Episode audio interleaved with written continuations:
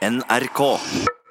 Vi eh, hadde jo i forrige uke en eh, maratonsending på P2 fra bokmessen i Frankfurt. Det hadde vi. Eh, nå skal vi høre at eh, leder av kulturkomiteen på Stortinget, Kristin Ørmen Johnsen fra Høyre, mener at det norske næringslivet bryr seg for mye om idrett og for lite, kultur, for lite om kultur. Hun savnet nemlig tilstedeværelse og støtte fra det norske næringslivet i forbindelse med nettopp bokmessen i Frankfurt i Tyskland. Av de 50 millioner kronene som ble brukt for å vise frem norsk litteratur på denne bokmessen, så kom bare 1,5 millioner fra næringslivet. Jeg hadde forventet å se at det var flere fra norsk næringsliv som var med å støtte opp om den kreative næringen som eh, bokbransjen og forfattere representerer. Det sier Kristin Ørmen Johnsen fra Høyre, leder av kulturkomiteen på Stortinget. Alle forfatterne var der. Norsk litteratur står såpass sterkt. En litt hes statsminister var innom. Det Betyr at det er flere kunstnere som har et større marked. Og kronprinsessen leste dikt på åpningen. En våg vi ikke visste om. Men Ørmen Johnsen applauderer ikke tilstedeværelsen til det norske næringslivet. De er gode på å gi midler til eh, sporten og sportslige aktiviteter, men vi har jo også kunstneriske aktiviteter som eh, er på høyde med det beste vi kan eh, ja, finne innen skiskyting eller innen hopp. Så her må næringslivet se sin besøkelsestid. For av de 50 millioner kronene som ble brukt for å vise frem norsk litteratur på bokmessa, kom kun 1,5 millioner kroner fra næringslivet. Resten kom fra staten, forlagsbransjen og ulike stiftelser. Det viser en oversikt NRK har fått fra Norla, som hadde ansvaret for Norges tilstedeværelse som hovedland på messa. Men hvorfor mener Ørmen Johnsen at det er så viktig at næringslivet bidrar til en bokmesse i Tyskland? Jo, fordi at eh, Europa er eh, urolig. Jeg tror de handelspartnerne som nå er i EU, og særlig Norge i EØS-området, det er viktig at det er gode relasjoner, gode forbindelser. Er, Tyskland er Norges viktigste handelspartner. Jeg er eh, konserndirektør i Thon Hotels. Og, og, og hva heter du? Jeg heter Morten Thorvaldsen. Thon Hotels var en av de få aktørene fra norsk næringsliv som faktisk var til stede på messa, og som bidro økonomisk med 1,3 millioner kroner.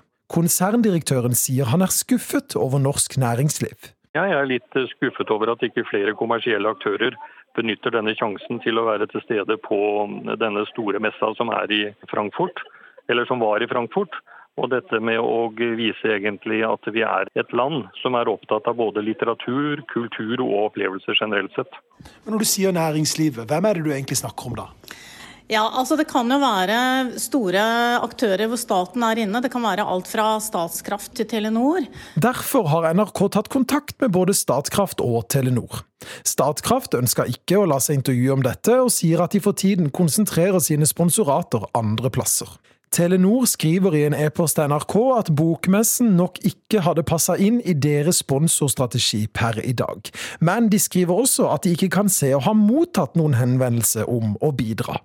Norla, som hadde ansvaret for Norge som hovedland på messa, ønsker ikke å la seg bli intervjua om dette. Men de skriver til NRK at de i forkant av messa har tatt kontakt med en lang rekke norske selskaper med interesser i Tyskland og det tyske markedet. De ønsker ikke å gi en oversikt over hvilke norske selskaper de har tatt kontakt med. Reporter her, det var Christian eh, Ingebretsen. Kulturkommentator her i NRK, Agnes Moxnes. Hvorfor bidrar ikke næringslivet mer til en slik bokmesse?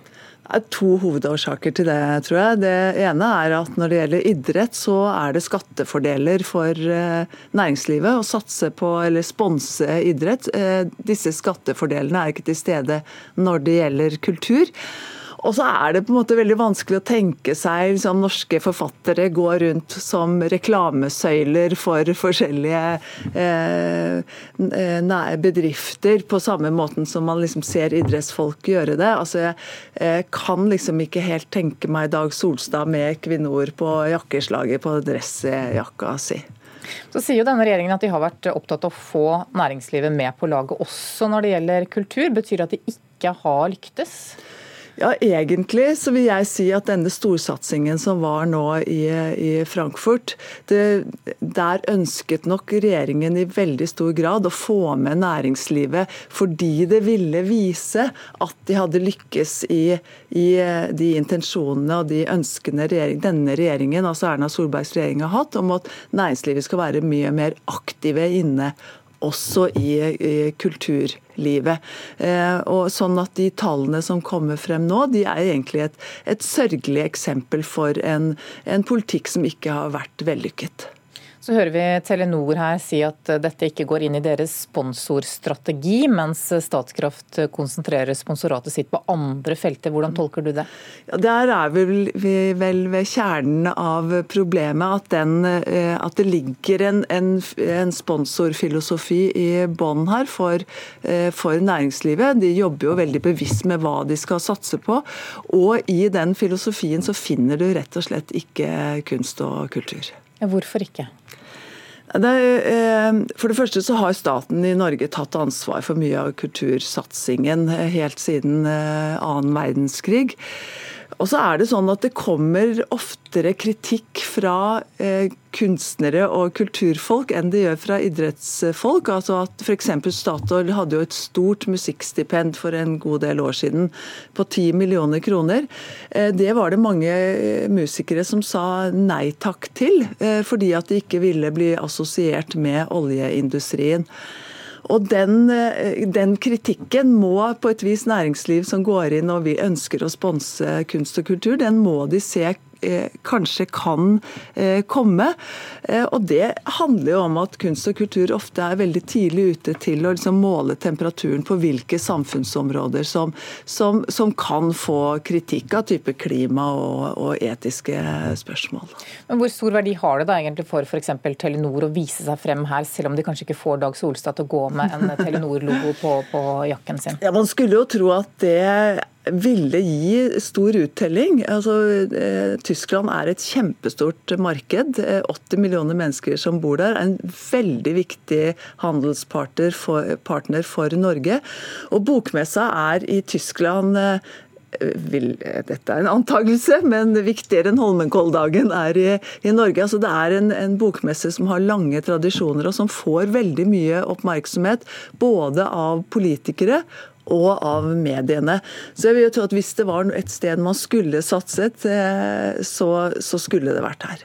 Regjeringa er jo opptatt av å få til et bedre samarbeid mellom næringsliv og kultur.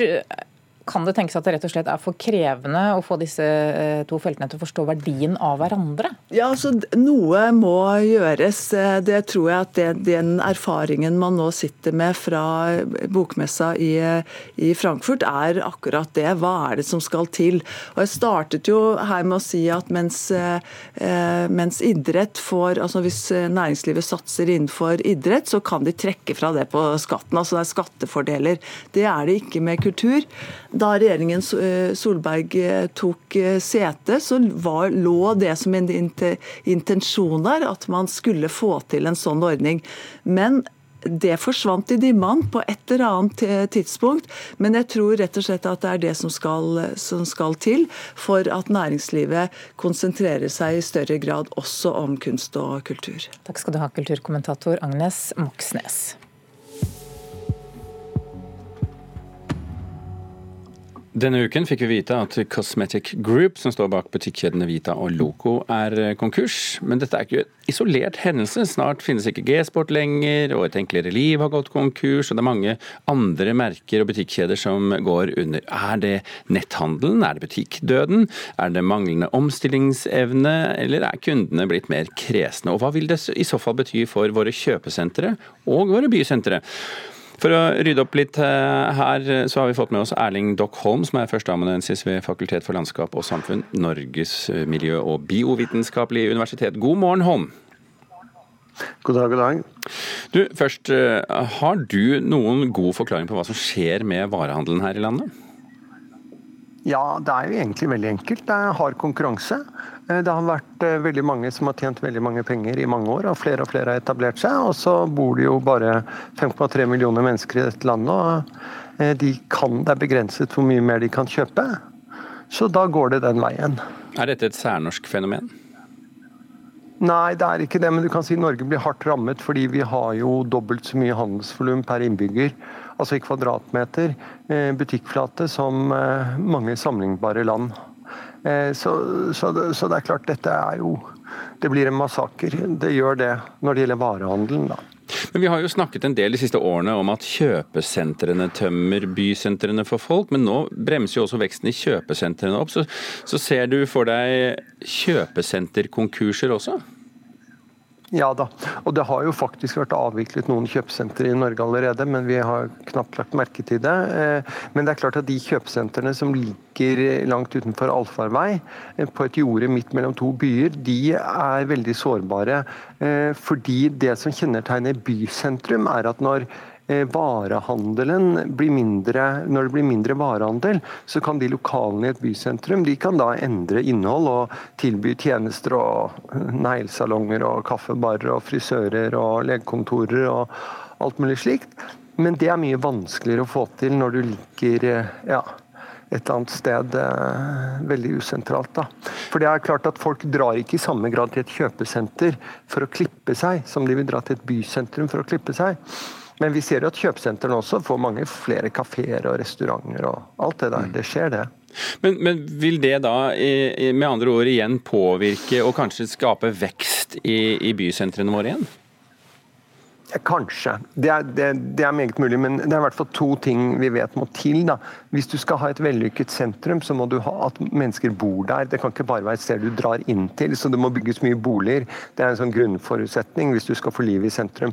Og så er det en annen ting som skjer. Da, prisene i førsteetasjene de faller når varehandelen går ut. Det er ikke sånn at de som kommer inn etter de store Eh, detaljistkjedene har like stor betalingsvillighet. Og Det gjør jo at bysentrum må tiltrekke seg en del grupper de kanskje ikke har eh, vært så fokusert på hittil.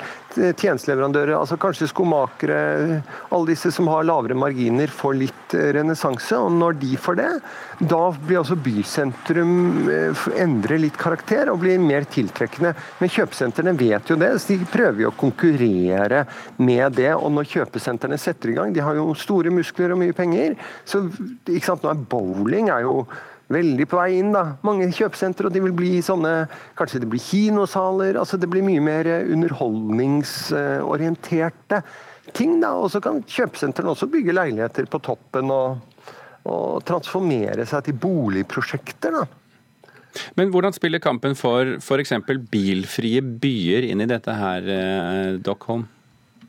Det er vanskelig, og det er et veldig interessant spørsmål. fordi det Vi ser vi ser at i store deler av Vest-Europa nå så det, jobber handelsstanden for å få ned biltrafikken i byene. fordi de sier at økt eh, eller mindre biler gir bedre handel. Samtidig så er det jo noen bysentrum som er utsatt fordi det ikke bor noen der. Så alle som handler det, kjører dit med bil.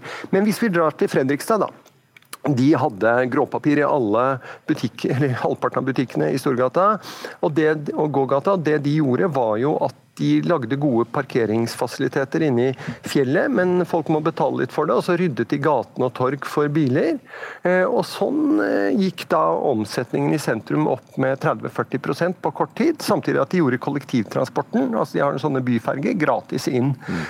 Så, så, så det er klart at det å lage en bedre og mer interessant by, og mer human by, som er bedre for alle brukergrupper, det er veldig viktig, ikke bare ut fra handelens vilkår. Så byene, hvis de skal eh, konkurrere, så må de også konkurrere på livskvalitet. Og da har de noen konkurransefortrinn overfor, overfor disse kjøpesentrene, som er helt enorme. Fordi eh, all forskning vi sitter på, viser jo at folk syns det er hyggeligere i byer enn på kjøpesenteret. Da, da, slutter vi der ved denne litt sånn håpefulle eh, eh svaret. Erling Dockholm, takk for at du var med oss her i eh, Nyhetsmorgen. Tidligere denne uken har vi snakket om eh, Reiulf Steen her i Nyhetsmorgen i forbindelse med, med en ny biografi. Steen var altså arbeidersønnen fra Hurum, som avanserte nesten helt til topps i Arbeiderpartiet, men som tapte maktkampen mot Gro Harlem Brundtland. Og nå foreligger det en murstein av en biografi ført i pennen av historiker Hans Olav Lahlum. Litteraturkritiker her i NRK, Knut HM, god morgen. God morgen. Du har tatt med deg boken. Biografien er altså på 600 sider. 100 av dem er fotnoter. Fortjener Reiulf Steen så mye oppmerksomhet? Ja, Dette er jo en klassisk eh, historie om eh, denne generasjonen Arbeiderpartipolitikere. Med en klassereise av en annen verden. Begynner som du sa på Hurum, eh, på en liten plass der der de vokser opp uten eh, vann. og Faren dør da Raulsten er syv år gammel. Storebroren eh, dør. Raulsten er den første i familien som tar realskole, altså ungdomsskole. Og så er det da denne utrolige ferden via A-pressen, som det gjerne gikk på den tiden, opp til maktens tinder. Inntil han sitter helt sentralt plassert i Arbeiderpartiet gjennom eh, stor del av 60-tallet og hele 70-tallet. Det, det er, han som er delaktig og nesten ansvarlig for at det blir EF-avstemning i 72, for da ligger Trygve Bratteli på sykehus med magesår. Eh, det er han som forsoner partiet i etterkant, når eh, venstresiden holder på å, eh, å forlate partiet. Så, så her er det store bølgedaler. Så nådde han altså aldri helt til topps. Hvilke forklaringer gir Lahlum på det i, i denne boken? Dette er jo en fortelling som jo er marinert i alkohol og elendighet i en sånn grad som jeg vel ikke har sett siden Amalie Skram skrev 'Hellemyrsfolket'. Det ble en tragedie. Ekteskapet hans ble en uh, tragedie. Det var fyll. Uh, både kona og mannen drakk. Eh, hjemme. Han hadde masse angst, eh, Reiulf Steen. Eh, så, så, dette var jo en del av forklaringen. Og så hadde han nok kanskje også en slags tvilende holdning, en tvilende personlighet som ikke helt kanskje harmonerte med den formen for besluttsomhet som trengs på dette nivået her. Men hva var de beste egenskapene hans? Da er jeg jo fristet til å si dette med tvilen igjen. Da. Ellers så viser jo Lahlum han også fram som en eh, stor eh, taler. Han, eh, han, hadde utrolig mye støtte blant ungdommen i AUF. Han ble jo regnet som venstre i denne partieliten på dette tidspunktet.